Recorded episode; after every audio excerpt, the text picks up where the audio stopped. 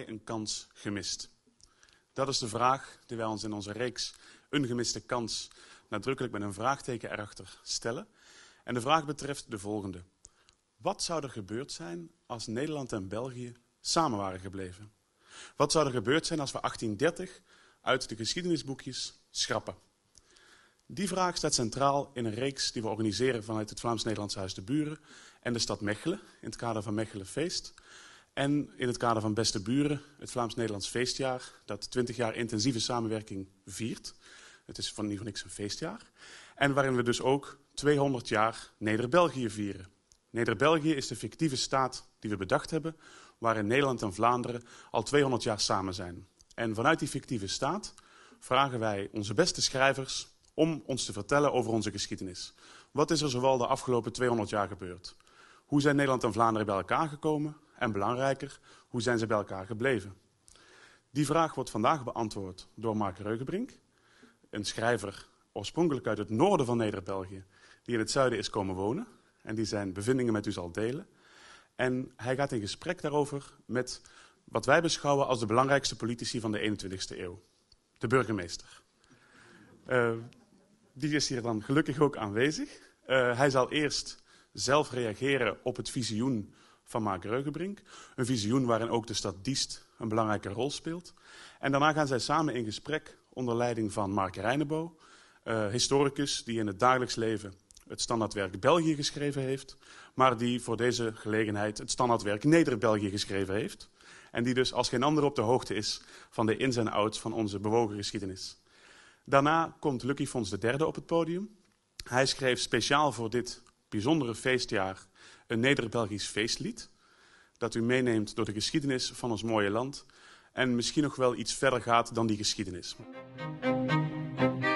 Het is net 200 jaar geleden dat het uh, zogenaamde uh, Verenigd Koninkrijk der Nederlanden is tot stand gekomen als gevolg van heel specifieke uh, historische omstandigheden waardoor of waarin het voormalige, de voormalige zuidelijke Nederlanden en noordelijke Nederlanden weer werden samengevoegd onder één vorst, koning Willem I. En deze uh, samenvoeging volgt dus op een periode van oorlog, scheiding, twist, vreemde overheersing, zoals het wel is genoemd, zeer ten onrechte, maar enfin, dat doet er nu niet toe. En in 1815 eh, is uh, de scheiding van de 16e, 17e eeuw weer ongedaan gemaakt. En het was de taak van deze koning Willem I om van Noord en Zuid, zoals dat heette, een amalgaam te maken. En een amalgaam had toen nog niet de pejoratieve betekenis zoals die uh, vandaag wel eens aan, dat, aan die term vastkleeft. Het was de bedoeling om die te verenigen. Helaas hoe lang die scheiding ook heeft geduurd, hoe bitter het uh, in Noord en Zuid is gevallen gedurende al die eeuwen.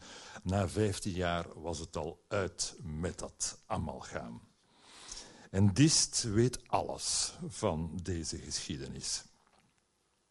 Dist heeft de oorlogen van de 16e en 17e eeuw voor een groot deel rechtstreeks meegemaakt, ondergaan. In de Sint-Sulpiciuskerk, denk ik, uh, bevindt zich uh, het graf van de oudste zoon van Willem van Oranje.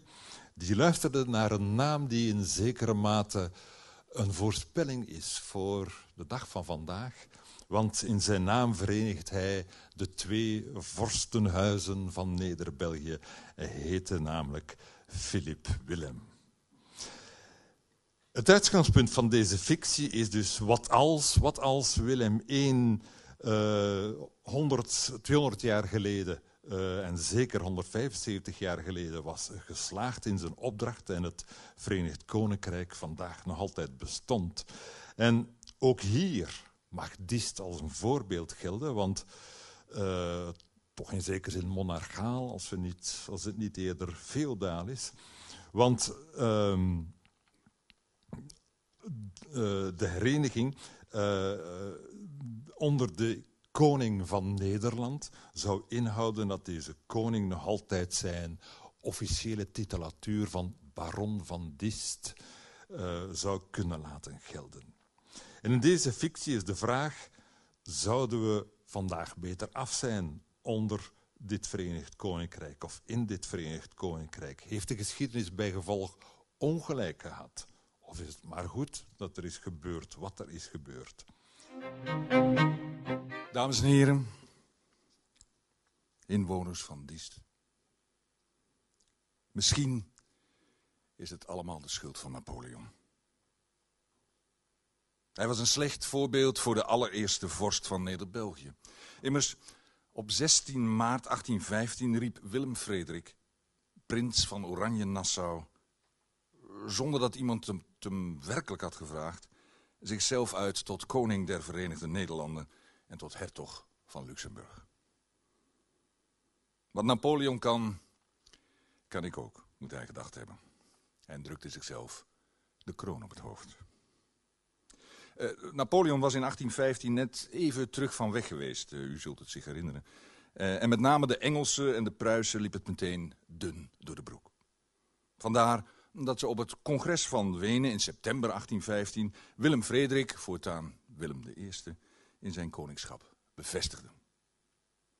Het Verenigd Koninkrijk der Nederlanden, zoals het toen nog heette, zou een sterke bufferstaat ten noorden van Frankrijk zijn. En Napoleon was dan weliswaar in juni van dat jaar bij Waterloo verslagen. Die Fransen waren natuurlijk niet te vertrouwen. Van die sterke staat, eh, zoals we nu weten, is natuurlijk helemaal niets terechtgekomen. De verwatenheid van de feitelijk eerste vorst van wat nu Neder-België heet, maakt al onmiddellijk duidelijk dat er op dat moment werd samengevoegd wat voor altijd gescheiden had moeten blijven.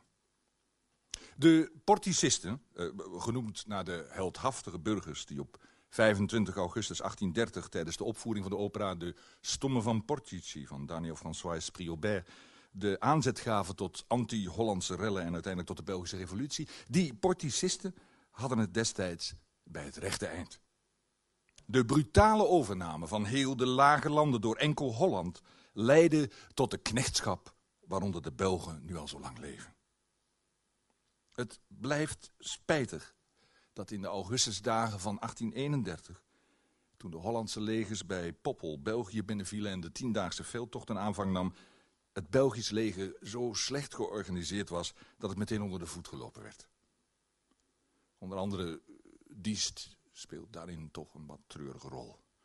Het bood geen enkele weerstand tegen de troepen van Willem I en diende gewillig als springplank voor een aanval op Leuven en uiteindelijk Brussel.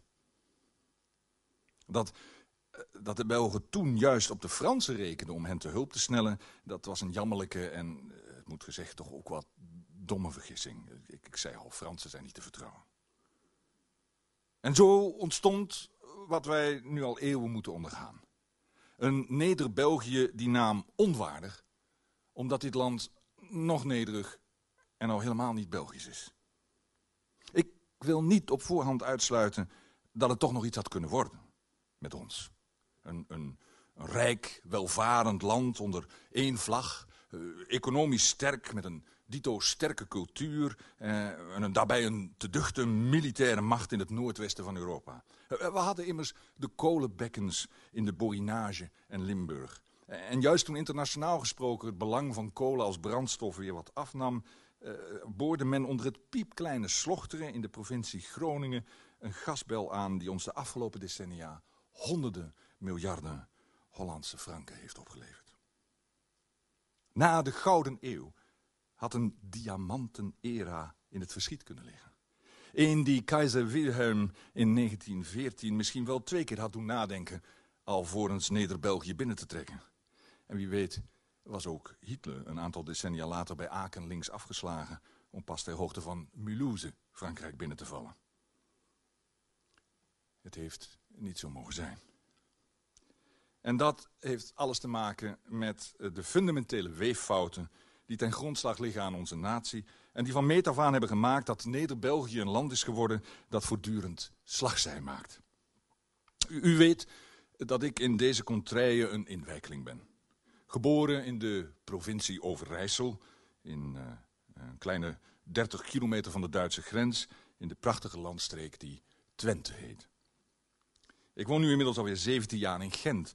maar ik kan natuurlijk niet verhullen dat ik van Noord-Neder-Belgische afkomst ben. Ik kan dus begrijpen dat mensen mij alleen al op grond van mijn uiterlijk... en zeker op grond van mijn accent, associëren met de spreekwoordelijke Hollander. Maar zoals u misschien weet, ook Overijssel, net als, als, als Groningen, Friesland, Drenthe, Gelderland, Flevoland, Limburg, Noord-Vlaams en Waals-Brabant, eh, eh, West- en Oost-Vlaanderen, Zeeland, Henegouwen, Namen, Luxemburg, Luik en Antwerpen. Net als als deze provincies was ook Overijssel nooit meer dan een wingewest voor Holland. Een gebied dat vanwege zijn zoutwinning en zijn landbouw interessant was voor wie in Neder-België de dienst uitmaakte. U en ik delen in wezen dezelfde afschuw als het om die spreekwoordelijke Hollander gaat. Hebben een grondige, en laten we wel wezen, ook een gegronde hekel aan zijn verwatenheid, zijn, zijn arrogantie, ja, zelfs zijn, zijn hufterige onbeschoftheid, aan, aan, aan de luide bedweters die zij zijn. En, uh, maar vooral aan hun narcistische zelfglorificatie, die maakt dat zij op ieder terrein, uh, economisch, politiek en cultureel, alleen hun eigen navelpluis zien. En, en, en, en doof, stom en blind blijven voor wat er in de rest van het land leeft. De literatuur die in, in, in Makendaal, in, in Gooichem, in, in Worterpetegem, in, in, in Aarschot, in Hasselt en ja, ook hier in Diest geschreven wordt. Uh, ze wordt op haar best stiefmoederlijk behandeld in de drie cafés in, rond het Spui in Amsterdam, waar zich, zo menen de Hollanders, de enige echte Neder-Belgische literatuur afspeelt. Het, het taaleigen van de Vlaming, maar ook van de Limburger, uh, de Groninger, uh, om over de Waalse minderheid maar te zwijgen. Dat taaleigen wordt zonder pardon als achterlijk terzijde geschoven en het leeggeschraapte, al te harde Hollands het, het, Hollands van gereformeerde scherpslijpers en Calvinistische asceten uh, wordt zonder pardon tot norm verheven. Een taal waarin uh, u zich niet, maar, maar, maar, vergis u niet, ik al evenmin zich kunt terugvinden. De, de beeldenstorm van 1566 is niet tot de kerken beperkt gebleven, dames en heren. Ze heeft zich ook voltrokken in de taal. het is maar om, om te zeggen dat ik, dat ik het u niet kwalijk neem dat u mij op straat soms voor vuile Hollander uitmaakt. Ook al heb ik meer met u gemeen dan u op basis van mijn voorkomen en accent kunt vermoeden. De, de onderdrukking door de Hollander van alles wat buiten zijn eigen achtertuin leeft, woont en werkt, heeft bijna vanzelf sprekend geleid tot gevoelens van ressentiment jegens hen die naar voorkomen en uitspraak met die Hollander enige gelijkenis vertonen. Het, het zij u vergeven. Maar het wijst ons nog maar eens op de, op de eerste weeffout in het ontstaan van deze natie. Uh, dat het bij, bij het samenvoegen van de beide landsdelen nooit serieus rekening werd gehouden met wat in de geschiedenisboeken nogthans luid en duidelijk omschreven staat als het particularisme van de Hollandse steden. De steden in de provincies Noord- en Zuid-Holland. Het particularisme van Amsterdam, Rotterdam en Den Haag. Het streven van die steden om hun onafhankelijkheid te bewaren binnen een grotere staat. En alles wat buiten zichzelf eh, bestaat te herdefiniëren naar hun maatstaven en naar hun idee van normaliteit. Het was altijd al, ook lang voor 1815, een hinderpaal in het streven naar eenheid binnen de Nederlanden. En na 1815, toen de Hollandse steden het voortouw namen binnen Neder-België, was het wat het nu is. Een vorm van imperialisme. Het mag u niet verbazen dat in Neder-België de Hollandse steden altijd op de Vlaamse zijn voorgegaan. Aan de verzanding van de Westerschelde is, is nooit iets gedaan, omdat Antwerpen ten koste van alles als havenstad moest verdwijnen ten gunste van Rotterdam. En we weten in welke deplorabele staat die eens zo trotse havenstad zich nu bevindt. Economisch, politiek en vooral ook moreel. De slechte bereikbaarheid van Brussel per spoor en over de weg is een welbewuste tactiek van de Hollandse steden om die stad klein te houden. Er zijn miljarden Hollandse franken geïnvesteerd in de infrastructuur van wat we wel de Hollandse Randstad noemen. Maar in Limburg rijdt men nog over zandwegen. De tweede weeffout ligt in het gegeven dat het vroegere België van het vroegere Nederland altijd al gescheiden werd door een diepe, diepe kloof. Een kloof die het beste te omschrijven is als die tussen katholicisme en protestantisme. Ik wees u al even op het verschil in taalgebruik, maar dat staat niet los van het verschil in visie op de wereld. De uh, in C frivole blik van de katholiek, al kent ook hij zijn zondeval, en de koude blik van de protestant die niet gelooft in vergissing en vergeving, maar enkel in misdaad en straf. Die twee zijn niet te verzoenen. En het is nog een andere reden waarom de kunst, de literatuur die in deze contraien wordt gemaakt, in Hollands straal wordt genegeerd.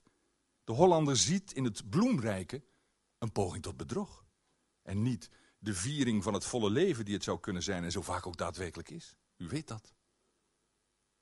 Alweer, ik heb persoonlijk niet de pretentie, nog het vermogen, om mij als katholiek onder u te begeven. Ik, ik heb door mijn verhuizing naar Gent ontdekt dat ik meer van de protestant in mij heb dan ik voordien voor mogelijk had gehouden.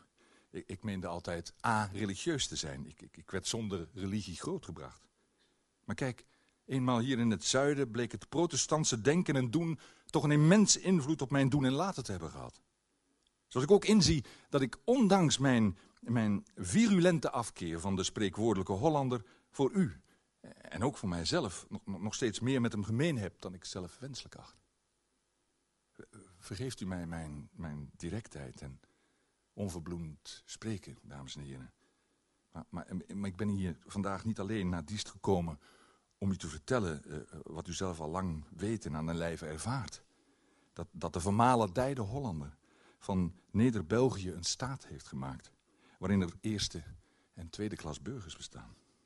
Waar hele gebieden in de ellende zijn gestort door de fonkelende eigendunk van de zich aan zichzelf spiegelende dames en heren achter de duinen van Scheveningen tot aan Den Helder. Waar de taal- en uitdrukkingsmogelijkheden onder curatelen zijn geplaatst van hen die spreken en schrijven met de zuinigheid van grutters en de saaiheid van boekhouders. Waar de waarheid geen achterkant kent. Waar er Hollandse eenstemmigheid wordt vereist in situaties die niet om consensus, maar om compromissen vragen. Niet om rücksichtsloze rechthaberij, maar om milde toegevingen. U weet het. U kent het. U woont in Diest. U heeft in uw geschiedenis geleden onder brandschattende Spanjaarden, gewelddadige Fransen, plunderende sansculotten en niets ontziende Oostenrijkers. En u leidt samen met de rest van Neder-België, van de Rode School in het uiterste Noordoosten tot Ploegsteert in het uiterste Zuidwesten, nog steeds onder de geesel van de Hollander. De Hollander die u uw eigen identiteit ontzegt. En die van u in plaats van een Breugeliaans blozende ingezetene van een gul en uitbundig land, een kribbige, sombere, in zijn slachtofferrol gedwongen aardappeleter heeft gemaakt. U verdient beter. Daarom, inwoners van Diest, daarom is misschien nu de tijd aangebroken voor een tweede Belgische opstand is de tijd aangebroken om een vuist te maken tegen de Hollandse dominantie in Neder-België. En hoe zou u dat beter kunnen doen dan de huidige koning van Neder-België? Hij die zich Willem-Alexander noemt. Eindelijk de door hem al zo lang gekoesterde titel van baron van Diest af te nemen. En alle voorrechten daarmee verbonden. Dat wij baron van Diest maken wie die titel toekomt dat wij baron van Diest maken wie uit Diest afkomstig is. Dat wij die titel schenken aan een Diestenaar die tegen alle Hollandse tegenwerking in toch een heldenstatus wist te bereiken. Laten we zeggen, Gies winnen. Laten we zeggen, Timmy Simons. Laten we zeggen, Mario Aarts. Dames en heren, sta op uit uw zetel. Laat vandaag in Diest beginnen, wat niet in Diest zal eindigen. Wat zich zal verspreiden langs de oevers van de opnieuw opengelegde Demer, tot aan de monding van de straks weer uitgebaggerde Schelde. Wees immer uzelf en ongeknecht. Het woord getrouw dat God bevreesd moogt spreken. Voor Diest, voor vrijheid en voor recht.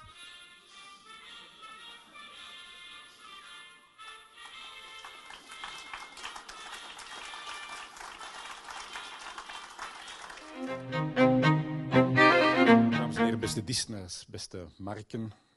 Uh, een van de eerste en belangrijkste zaken die men een politieker meegeeft uh, in de communicatietraining, die ik ook ooit eens een halve dag gehad heb, dat is uh, ga nooit in op hypothetische vragen.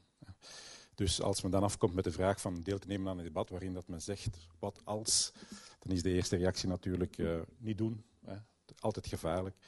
Maar waarom dat ik het dan toch uh, gedaan heb, dat heeft te maken met het feit dat op het ogenblik dat de vraag kwam, dat ik net het boek aan het lezen was van Els Witte. Ik heb hele tijd geen boeken meer gelezen omwille van mijn cumul en dergelijke meer. Sinds dat ik niet meer naar Brussel ga, heb ik me voorgenomen van iets meer te lezen. En dat boek van Els Witte gaat net over het verloren koninkrijk, behandelt net die periode uh, waar het vandaag over gaat en waarin we al dan niet die vergissing begaan hebben, 1830 tot 1845. En twee, maar dat heeft Mark Reinebouw al uitvoerig toegelicht, dat is, is, is inderdaad nog altijd een oranje stad, dat weten we. Van 1499 tot 1795, dat is 300 jaar. En net tot 20 jaar voordat het Verenigd Koninkrijk der Nederlanden werd uitgeroepen, hebben wij deel uitgemaakt van het huis van Nassau-Oranje. En we voelen er ook mee vertrouwd. En het verhaal is al verteld, Willem van Oranje, Philips Willem, die is ook nog altijd hier. En ik dacht uh, te zeggen, Mark Reugewink, uh, nee, wij dienen niet als springplank voor uh, de Nederlandse legers naar Leuven en Brussel. Uh, wij voelden dat aan als een bevrijding, maar dat is wel niet zo geweest. Want ik heb gelezen dat Diest weliswaar in het begin van de Verenigde Nederlanden blij was met de situatie, maar dat bij de revolutie 1830 dat wij eigenlijk volop op de kaart getrokken hebben van die revolutie. En of dat het ook juist is dat dat Belgisch leger slecht georganiseerd is, weet ik ook niet. Maar ik lees ook in het boek van Els Witte dat heel veel officieren in het Belgisch leger trouwens eigenlijk een beetje hoopten op de restauratie, waardoor dat ze terug in het Nederlands leger zouden kunnen deelnemen en carrière maken. Dus slecht georganiseerd of andere ambities. En dan is het toch wel merkwaardig, en het woord citadel is hier vandaag ook al gevallen, dat onmiddellijk na die tiendaagse veldtocht en de bezetting van uh, onze stad, dat Leopold I en uh, de Belgische regering beslist hebben van dan van Diest een versterkte stad te maken met omwallingen, u kent dat, uh, de fortegordel en zelfs met de citadel. Een beetje cynisch, net om die nieuwe inval vanuit Nederland eigenlijk te voorkomen. En die is er dan niet gekomen, zij het om geopolitieke redenen. Je weet wel, de evenwichten tussen de grootmachten, enerzijds Rusland, Pruisen, Oostenrijk, anderzijds Engeland en Frankrijk, die de boel wat georganiseerd hadden en eigenlijk Willem I wat aan handen en voeten hadden gebonden. Maar het is wel zo, en het valt me telkens op wanneer ik nu het verhaal doe van de Citadel, want we hebben daar inderdaad geweldige plannen mee. Wanneer ik het verhaal doe en een beetje als grap ook vertel van, ja, dat is gebouwd tegen de Nederlanders, maar ze zijn niet gekomen, dat ik daar altijd aan toevoeg. Maar dat is toch wel jammer dat ze niet gekomen zijn, want we hadden ons toch heel wat problemen kunnen besparen. En ik zeg dat wel als grapje, maar eigenlijk denk ik dat ik het uh, ernstiger bedoel dan dat ik dat zelf eigenlijk voor heb. En dat was zelfs voordat ik het boek van Els Witte gelezen had. En dat boek, maar eigenlijk spreekt men beter van een studie, want het is toch wel een, uh, een vrij gedetailleerde, en het is geen roman, absoluut niet, maar je moet er echt doorwurmen is toch wel zo dat men een beter en een genuanceerder beeld geeft over die periode. Vroeger dacht ik altijd, de Belgische revolutie, dat is uh, tegen die bureaucratische, autocratische en bemoeizieke Willem I zijn de Franstalige en de katholieke klerus in opstand gekomen eerlijk gezegd, het boek van uh, Els Witte geeft toch wel een, veel, een meer genuanceerd beeld. En ook die orangistische beweging is veel meer dan een contra-revolutie van de Vlamingen tegen de oprukkende verfransing van België. Orangisten, dus haakjes, spraken allemaal Frans. Het was vooral de elite die tot de uh, orangisten behoorde. Maar ook ondernemers en handelaren die echt geloofden in die politiek van uh, Willem I. En bovenal, het heeft echt niet veel gescheeld, of het was gelukt, de restauratie, het herenigen van de Verenigde Provinciën. En er zijn verschillende orangistische coups geweest, maar ze zijn allemaal mislukt, omdat Willem I eigenlijk weigerde zijn leger in te zetten, niet weigerde of niet kon inzetten, omwille van die internationale druk, maar ook in zijn eigen parlement, in de Staten-Generaal, waren er heel veel Nederlanders die die balorige Belgen beu waren en gezegd hadden, laat ze maar hun plan trekken en laten wij onder ons maar doordoen. En orangisten waren ook geen vechters, dat waren geen strijders. Heel veel babbelen, heel veel uitleg. Dat is doorgaans zo met politiekers. Maar dat, ze hadden eigenlijk geen grondtroepen om het zelf te doen. Trouwens, ook de revolutie van 1830 is maar gelukt door die emotionele, gewelddadige uitbarstingen, plunderingen en brandstichtingen, door lagere sociale klassen die op die manier hoopten een eind te maken aan een economische crisis en hun sociale status op te krikken. En er is een zinnetje in het boek dat me blijven, bij mij blijven hangen is, en dat is On soldera la canaille et les ouvriers. We zullen het gepeubel betalen en de arbeiders. En dat is dan uitgesproken door orangisten voor de contra-revolutie wat te stofferen. En dat zegt heel veel, denk ik, hoe dat sociale onvrede en uh, sociale onrust dikwijls misbruikt wordt voor andere doeleinden. Of ook, en dat weet Mark Reineboom beter dan hoe dat geschiedenis soms meer tot stand komt door samenloop van omstandigheden en toevalligheden.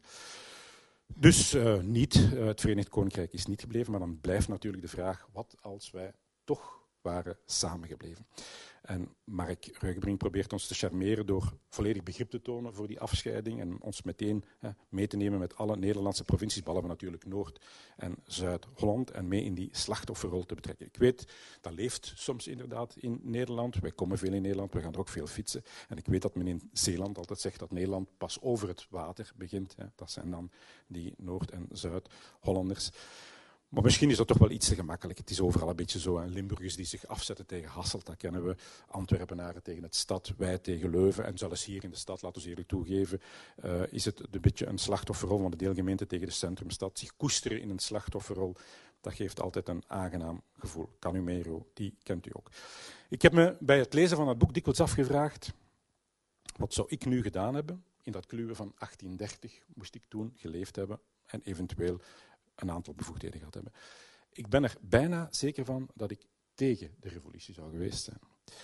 Ik zou orangist geweest zijn, denk ik. En zoals gezegd, men kan orangist zijn omwille van verschillende redenen. Dat waren republikeinen, dat was uh, economische overwegingen. Uh, het ging om uh, katholieke adel ook en dergelijke meer.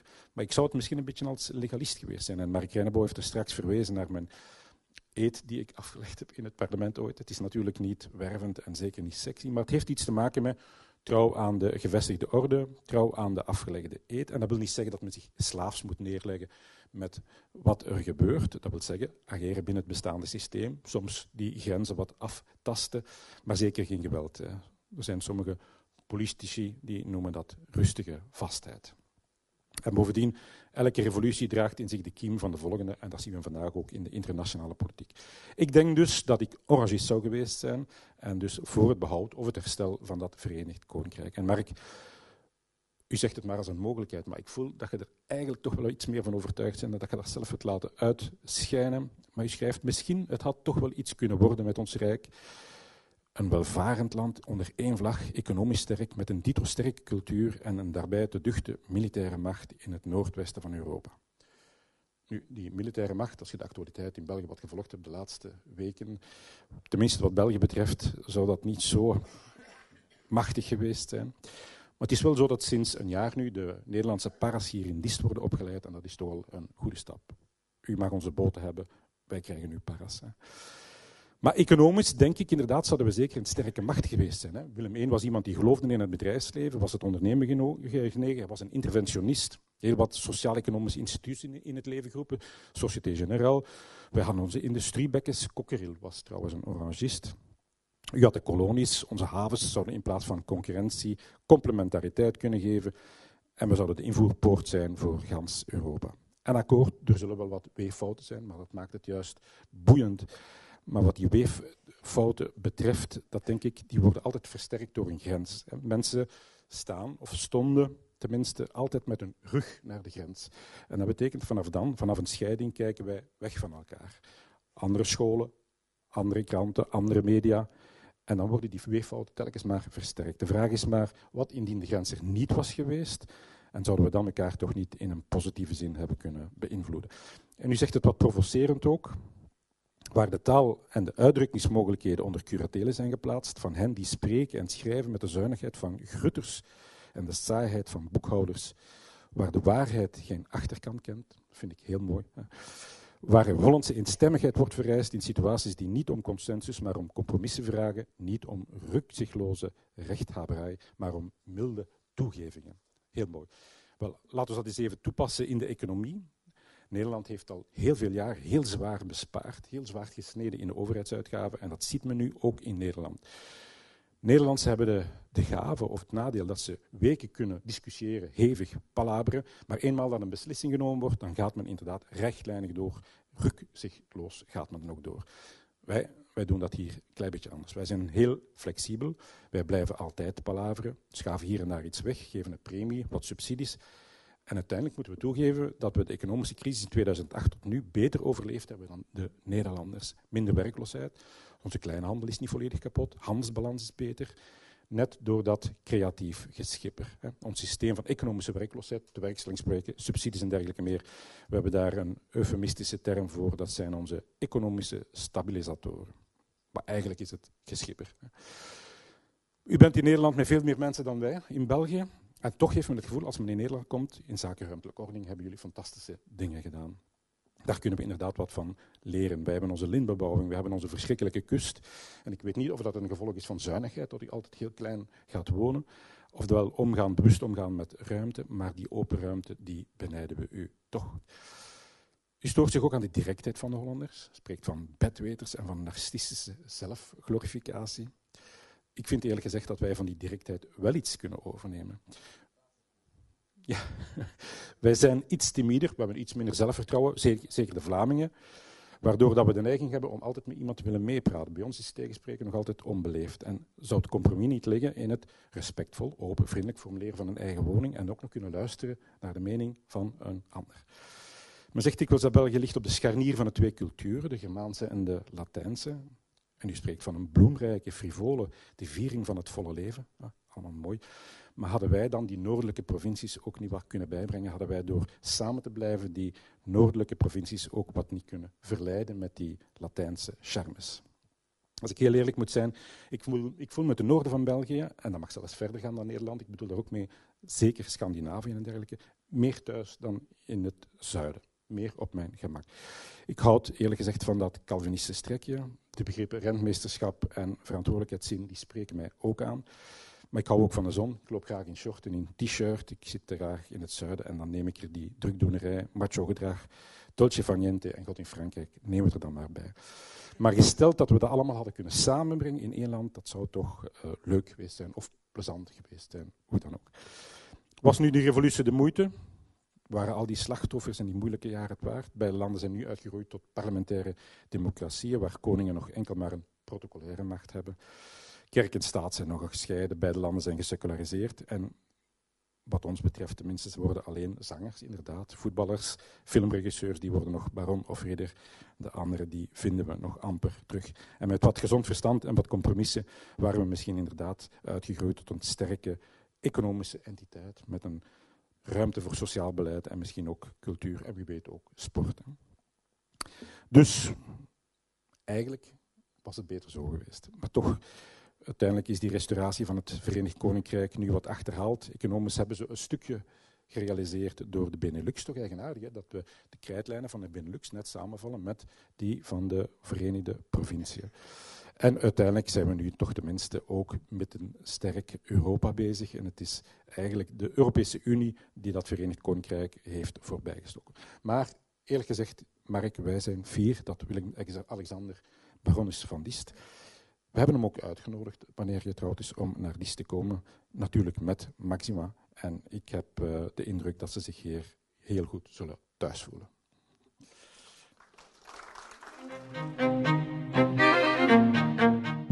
Dank u wel, uh, beide heren. Uh, voor twee duidelijke, twee ook tegengestelde uh, visies op Neder-België.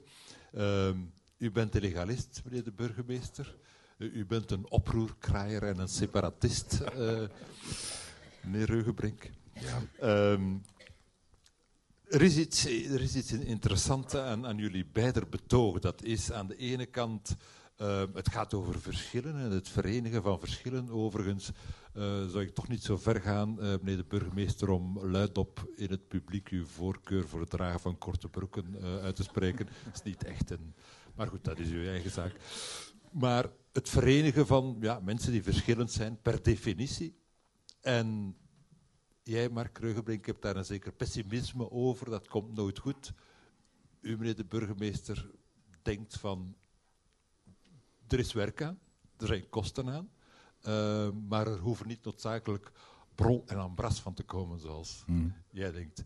Uh, hoe sta je tegenover die stelling? Want jij klonk heel stellig, wat uiteraard ook... Uh, in het, de context van het betoog lag natuurlijk. Um, ja, ik ben eigenlijk vertrokken vanuit een, een wat uh, provinciale invalshoek. zoals gezegd, ik, ik, ben in het oosten van Nederland geboren. Ik heb in Groningen gestudeerd. Ehm, en als je daar woont en werkt en leeft en van alles op touw probeert te zetten, dan merk je al heel snel de macht van Holland. En dat heeft er dan bijvoorbeeld mee te maken. Ik geef één voorbeeld. In Groningen heb ik eind jaren 80, begin jaren 90 met een heleboel andere mensen een literatuurfestival opgezet. Dat had de prachtige naam Herfstschrift. Prachtig omdat het in de herfst plaatsvond. Ook prachtig omdat het een mooie, tot een mooie slogan leidde. Herfstschrift, het programma met de meeste medeklinkers. Um, en uh, dat was in die jaren, maar er is niemand die dat weet in Nederland, het grootste literaire tijdschrift van Nederland. Met de meeste betalende bezoekers bedoel ik dan. Um, het probleem was echter, uh, de schrijvers konden we nog wel krijgen. Al moesten we voor Harry Moelis een taxi regelen vanuit Amsterdam. En dan ging hij met de taxi weer terug naar Amsterdam. Want Harry Moelis in de trein, dat gaat niet. Dat is voor het gepeupel, hè? Dat is voor het gepeupel. Um, uiteraard Willem Frederik Hermans, die wilde nooit meer naar Groningen terugkomen. Dus uh, die hebben we ook nooit weten te bereiken. Maar voor de rest alle uh, belangrijke schrijvers van dat moment wel. En ook internationaal. Maar de pers kwam niet. En dan kreeg je het merkwaardige verschijnsel dat als de Stichting Literaire Activiteiten in Amsterdam iets in de Bali organiseerde, dan zat daar zes man, waarvan drie journalisten van de Volkskrant, de NRC en het uh, Parool. En als wij iets voor uh, eh, 800 man op een avond uh, organiseerden, dan zat alleen het Nieuwsblad van het Noorden daar. Um, dus de, de lokale krant. dat, het belang van Limburg. Van het, het belang van Limburg, van Groningen zou ik maar zeggen. En uh, op een gegeven moment, en je merkte dat ook in, in, in de mate waarin er een subsidie werd gegeven. Al dat soort dingen uh, beginnen dan uh, op een gegeven moment te knijpen. Je voelt gewoon van, ja, het is ook logisch. De, de, de, de, de culturele, politieke en economische macht ligt nu eenmaal daar in de Randstad. Maar de provincies hebben dat wel heel erg gevoeld. En je merkt ook dat in alle provincies, die ook onderling nog, net als hier, uh, elkaar uh, van alles toewensen wat, wat minder fraai is. Maar ze zijn vrij instemmig in hun houding ten opzichte van de randstedeling, ten opzichte van de westerling, zoals dat heet, die, die altijd de boel komt, komt verknallen. Ja. En daar, vanuit die invalshoek dacht ik van, ja, als we een, een, een eengemaakt Neder-België krijgen, zal dat waarschijnlijk niet veel anders zijn zulke dominantie bestaat. We hebben diezelfde gevoelens. En ik herken dat ook een beetje. Hè. Vroeger, wanneer wij met Nederlands praten, hebben we nog eens een eigen om te zeggen, goed, die taalvaardigheid van die mensen, we worden een klein beetje geïntimideerd. We denken dat we soms zo minder verstandig zijn, omdat ze beter kunnen uitleggen. Maar ik heb ook de indruk, dat is toch wel een beetje voorbij. Dat is toch voorbij gestreefd. En het hangt toch van, van, van, van, van jezelf af, in welke mate dat je daar tegenin gaat, dat je je ook manifesteert, dat je ook ginder naar Den Haag gaat. Uh, neem daar deel aan uh, politieke processen, maatschappelijke processen, manifesteer u. En dan zijn dat processen die toch moeten aftaken of afkalven. Dat kan toch niet blijven duren? Men kan toch niet tegen de stroom blijven ingaan? Dus ik denk, men heeft veel meer in handen dan enkel louter een revolutie maken. Laat dat gewoon gaan, manifesteer u. Zelfvertrouwen, geen misplaatst zelfvertrouwen, geen triomfalisme of, of arrogantie, maar gewoon vanuit wij staan er, we mogen er zijn, ga er naartoe en, en, en, neem die plaats in. Ik geloof daar echt in dat dat kan. En dat is op alle vlakken zo. Dat gaat op persoonlijk vlak, dat gaat hier met de deelgemeente en, en de stad, dat gaat naar Antwerpen en dergelijke. Maar, ik heb daar eigenlijk... Uh, hebt u hier niet hetzelfde uh, probleem dat uh, mensen zich hier, en dan bedoel ik niet noodzakelijk dist, maar dat men zich nogal snel vervreemd voelt van wat vroeger Brussel was? Brussel als een soort anonieme moloch, concentratie van macht. En wat je nu toch ook voelt, met name ten aanzien van Antwerpen. En die denken het omgekeerde, want de rest is parking, zoals zij zeggen. Ja, ja het heeft, heeft natuurlijk veel te maken met, uh, met communicatie en met uh, de moeite doen om, om een aantal dingen zich eigen te maken en, en te lezen en, en, en wat dossiers in te studeren. Dat heeft mee te maken, wanneer dat je blijft voor, zitten in die voordelen, blijft daarin steken, dan, dan creëert men daar een ongenoegen, koestert men zich ook in die slachtofferrol, wat altijd een beetje hè, toch een aangenaam gevoel is. Maar dat mag niet blijven duren, men mag zich daar niet in nestelen. Ik heb, um, ik heb dat vroeger gemerkt, wij, als men in de politiek naar het parlement gaat, dan denk je altijd van, die mensen die daar zitten, dat is toch wel, die kunnen dat en die voelen zich daar vertrouwd, die, die wandelen alsof dat ze daar bij hun thuis in... Daar zijn dan veel zonen van, hè, dochters van, die van huis en uit dat eigenlijk ook kennen, die vanaf jongs zijn met ministers omgaan, met uh, een andere uh, sociale categorie, die, die daar ook geen, geen uh, gêne voor hebben om daarmee om te gaan. En die hebben voorsprong. Maar nogmaals, die voorsprong die kunt u wegwerken, daar kan, daar, daar kan men aan werken. En naarmate dat, dat, dat vraagt een zekere tijd, dat men daarmee bezig is, ziet men ook dat dat eigenlijk allemaal een beetje dikwijls vast te houden is. En, en, dat, dat men eigenlijk, dat zelfvertrouwen groeit wel. En die kans moeten we begrijpen, vind ik. Dat, daar pleit ik eigenlijk wat voor. Ja. Een beetje de kajotter in jou. Maar... Ja, ja, maar dat zal wel, dat is zo, ja. nee, na, natuurlijk, als die mogelijkheden zich aan... Maar ik, nogmaals, ik ben uitgegaan van, van wat ook binnen de, de huidige Nederlandse grenzen echt wel een realiteit is. We hebben ik weet niet of u daarmee op de hoogte bent, maar de, provincie Groningen, ik noemde het even, uh, waaronder Slochter ooit die gasbel is gevonden, daar is voor honderden miljarden euro's uit de grond gehaald. En die mensen die beleven daar nu drie aardschokken per week. Uh, huizen die daar op instorten staan en de regering weigert, weigert om er werkelijk iets aan te doen. Er ligt nu een rapport waarbij de regering echt ongelooflijk uh, beschuldigd wordt van ontoelaatbaar daar gas uit de bodem te halen, niet te luisteren naar uh, problemen over bodemdaling die daar een hele poos spelen. En dat is in die provincie Schering en Inslag. Vroeger had je daar de strookkartonindustrie. Toen die verdween, is daar niets voor in de plaats gekomen. En het is ook niet voor niets dat na 1989, uh, eh, toen de Berlijnse muur viel en met name het communisme toch min of meer aan het oplossen was, dat in Groningen de, de, de Communistische Partij Nederland, de CPN, werd opgeheven. En in Groningen werd de nieuwe Communistische Partij Nederland opgericht. Wat, wat mij trof, burgemeester, en ik wil die, die vraag voorleggen aan Mark Kreugenbrink, dat is, u verwees naar een verschil in politieke cultuur tussen Nederland en, en, en België. Uh, met name met, toen u verwees naar de economische financiële crisis 2008. Nederland gaat heel dapper en uh, vervult van zichzelf plichtbewust besparen en bezuinigen, ook in de culturele sector trouwens. Um, in België is dat niet veel minder gebeurt. De stelling daarbij is niet zozeer dat Belgen dat deden vanuit een gebrek aan, enfin, hoe hebt u het genoemd, uh, gevoefel? Uh, geschipper. geschipper ja. uh, maar dat het gewoon kwam omdat wij op dat moment geen regering hadden, of althans geen federale regering. En dat alleen ja, wat aan de randjes kon worden, wat er geen krachtdadige regering was. Dus een stelling die in Groot-Brittannië nogal veel succes heeft. Um, geen regering, dus geen besparingen. En vandaar dat België vrij behoorlijk uit de crisis is gekomen, tot nu toe. Nu, tot deze regeringen nu beslist hebben van ja, misschien moeten we toch maar zoals de Nederlanders gaan besparen. Ja. Wat denkt u, wat denkt u van, deze, van deze stellingen, wat te maken heeft met politieke cultuur in, in, in beide landen? Nou, in de eerste plaats, uh, vanuit uh, Nederland bezien, denk ik, past het heel goed dat uh, er op een gegeven moment in België geen regering zou zijn. Um, waarmee ik bedoel dat in Nederland wel eens sprake is van Belgische toestanden en dan bedoelen ze niks goeds. Um, dat is uh, chaos, ambras, chaos en, en, en gedoe waar ze uh, A geen verstand van hebben en B ook uh, denken, nou ja, wat er daar allemaal gebeurt.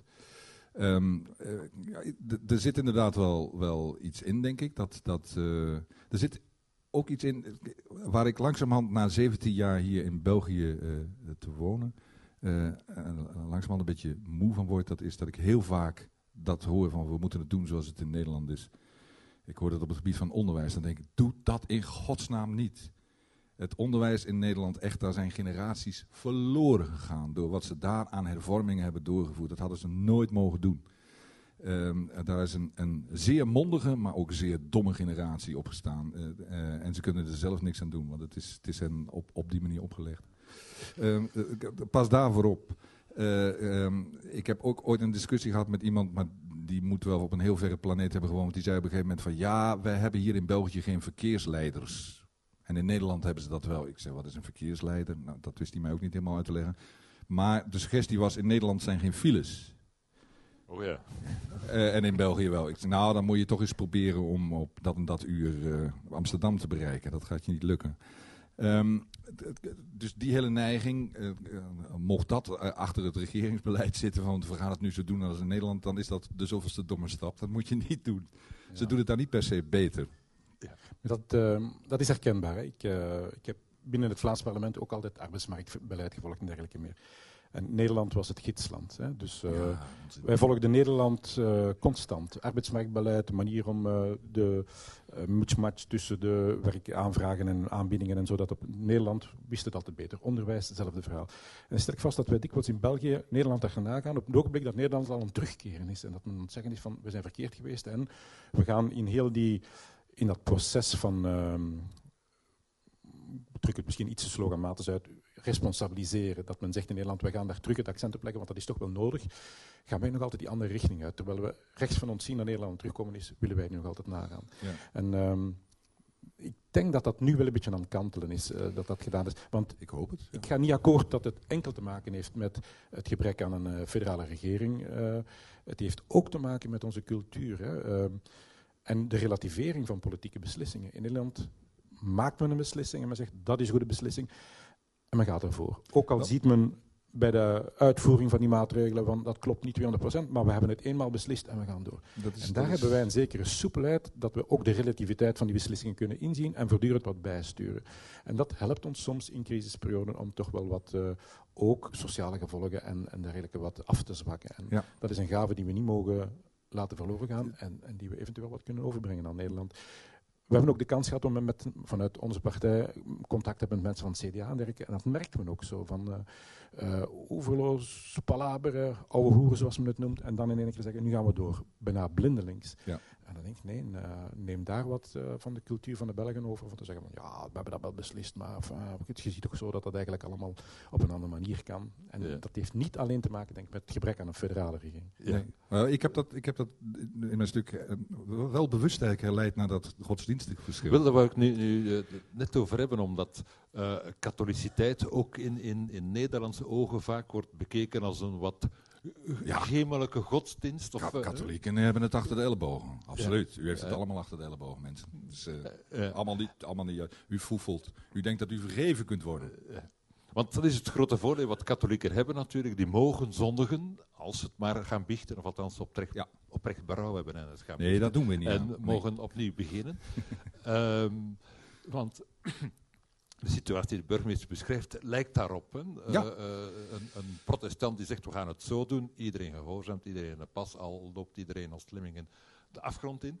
Een katholiek zegt van ja, we zullen het doen, maar we zullen wel eens nadenken onderweg. Misschien eh, kunnen we... Dat is iets waar ik, waar ik zelf heel erg aan heb moeten wennen toen ik hier kwam.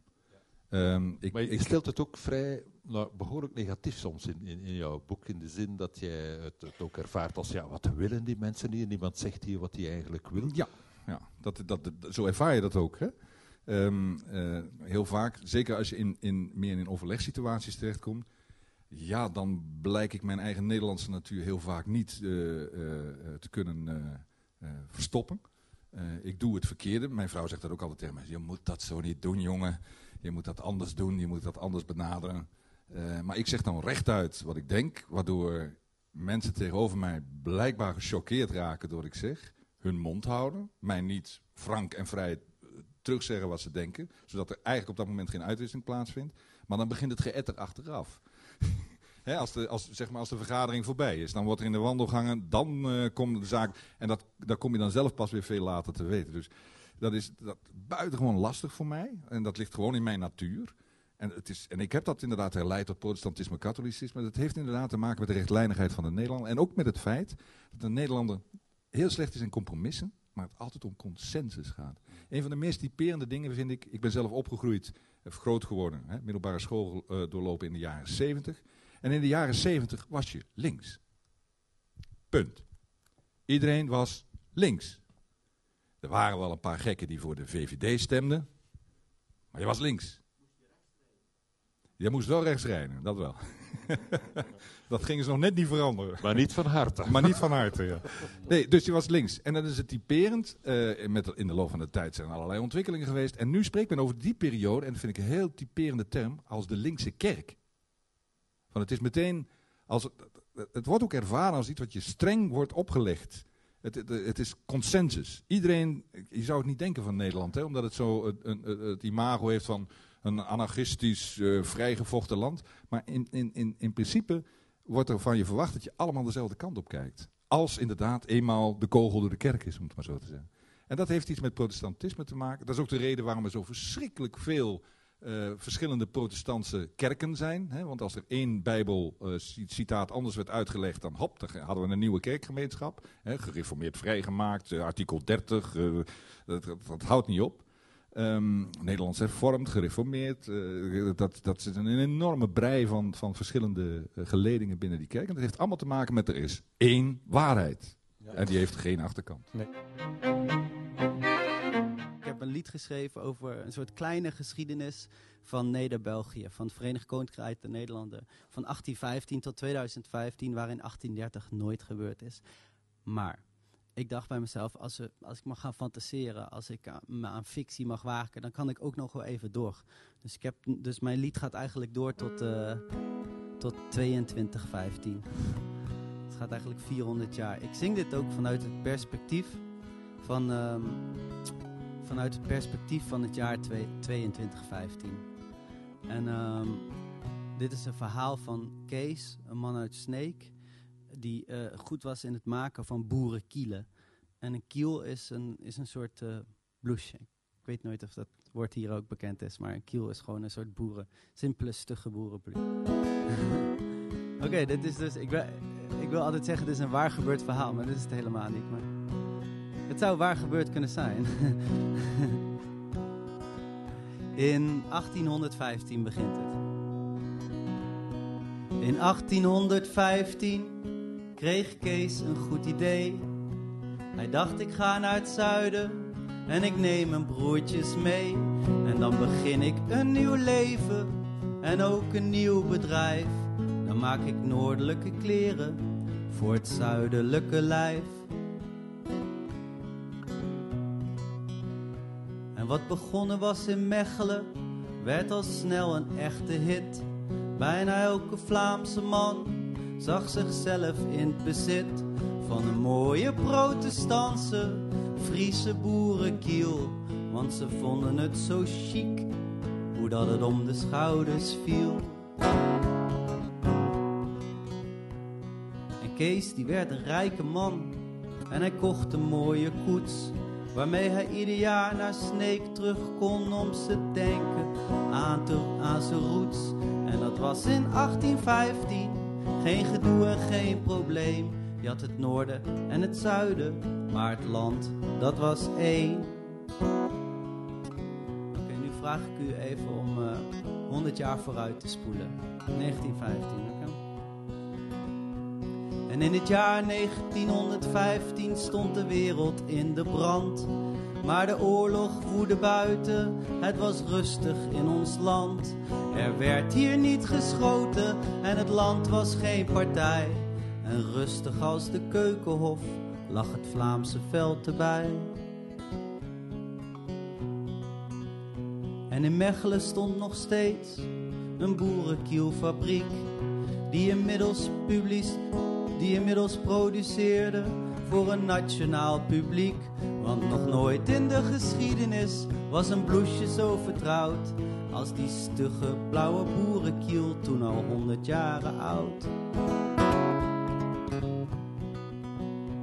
En Kees die werd een legende van de Ardennen tot het Wat.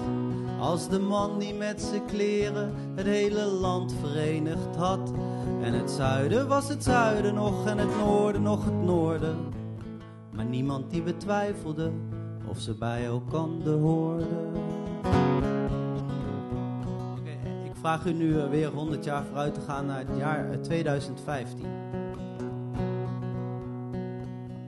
En in het jaar 2015 was nog altijd niet gedaan.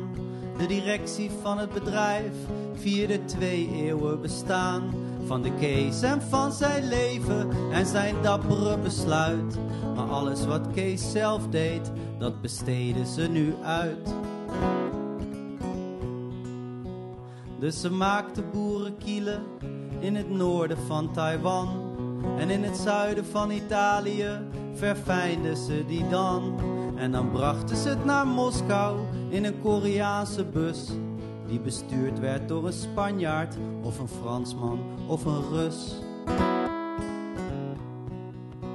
Want de wereld werd verliefd op onze nationale dracht. Zoals 200 jaar eerder door een man uit Sneek bedacht. En dat was in 1950. En in het jaar 2015 was dat geen probleem. Want als het om de mode ging, was de wereld allang één. vraag u nog één keer om 100 jaar vooruit te gaan. Dan gaan we terugkijken naar het jaar 2115. Maar in het jaar 2115 bestond het land niet meer. Door een technische ontwikkeling in het tech, door, een, door een technische ontwikkeling in het menselijk verkeer. Je kon met één druk op een knopje op een andere plek gaan staan. En als de regering het al had willen stoppen, nou dan kreeg ze het niet gedaan. Dus een ieder die dat wilde, die nam al zijn broertjes mee. Terwijl honderd jaren eerder in de Middellandse Zee mensen soms verdronken in hun zoektocht naar een baan aan de andere kant van grenzen die nu niet meer bestaan. We hebben het ook over steden vandaag natuurlijk. En uh, de burgemeester sprak al vandaag over grenzen en uh, over steden. Dus daar wil ik ook nog even over opgaan wat er dan gebeurd is met Mechelen en Sneek. Want Mechelen en Sneek, dat zijn nog altijd mooie plaatsen. Ook al leeft men onder water en kan je niet meer schaatsen. Maar een stad werd nooit bepaald door een poortje bij de grens. En dus bleven ze bestaan. En dat was ook Kees een wens. Dat je handel kon bedrijven met wie je ook maar wil. En dat je overal kon reizen, van Mars tot Philipville. En in 2115 was dat geen probleem. Je had het noorden en het zuiden, en het oosten en het westen. En het lage en het hoge, en het natte en het droge. Maar de melkweg die was één.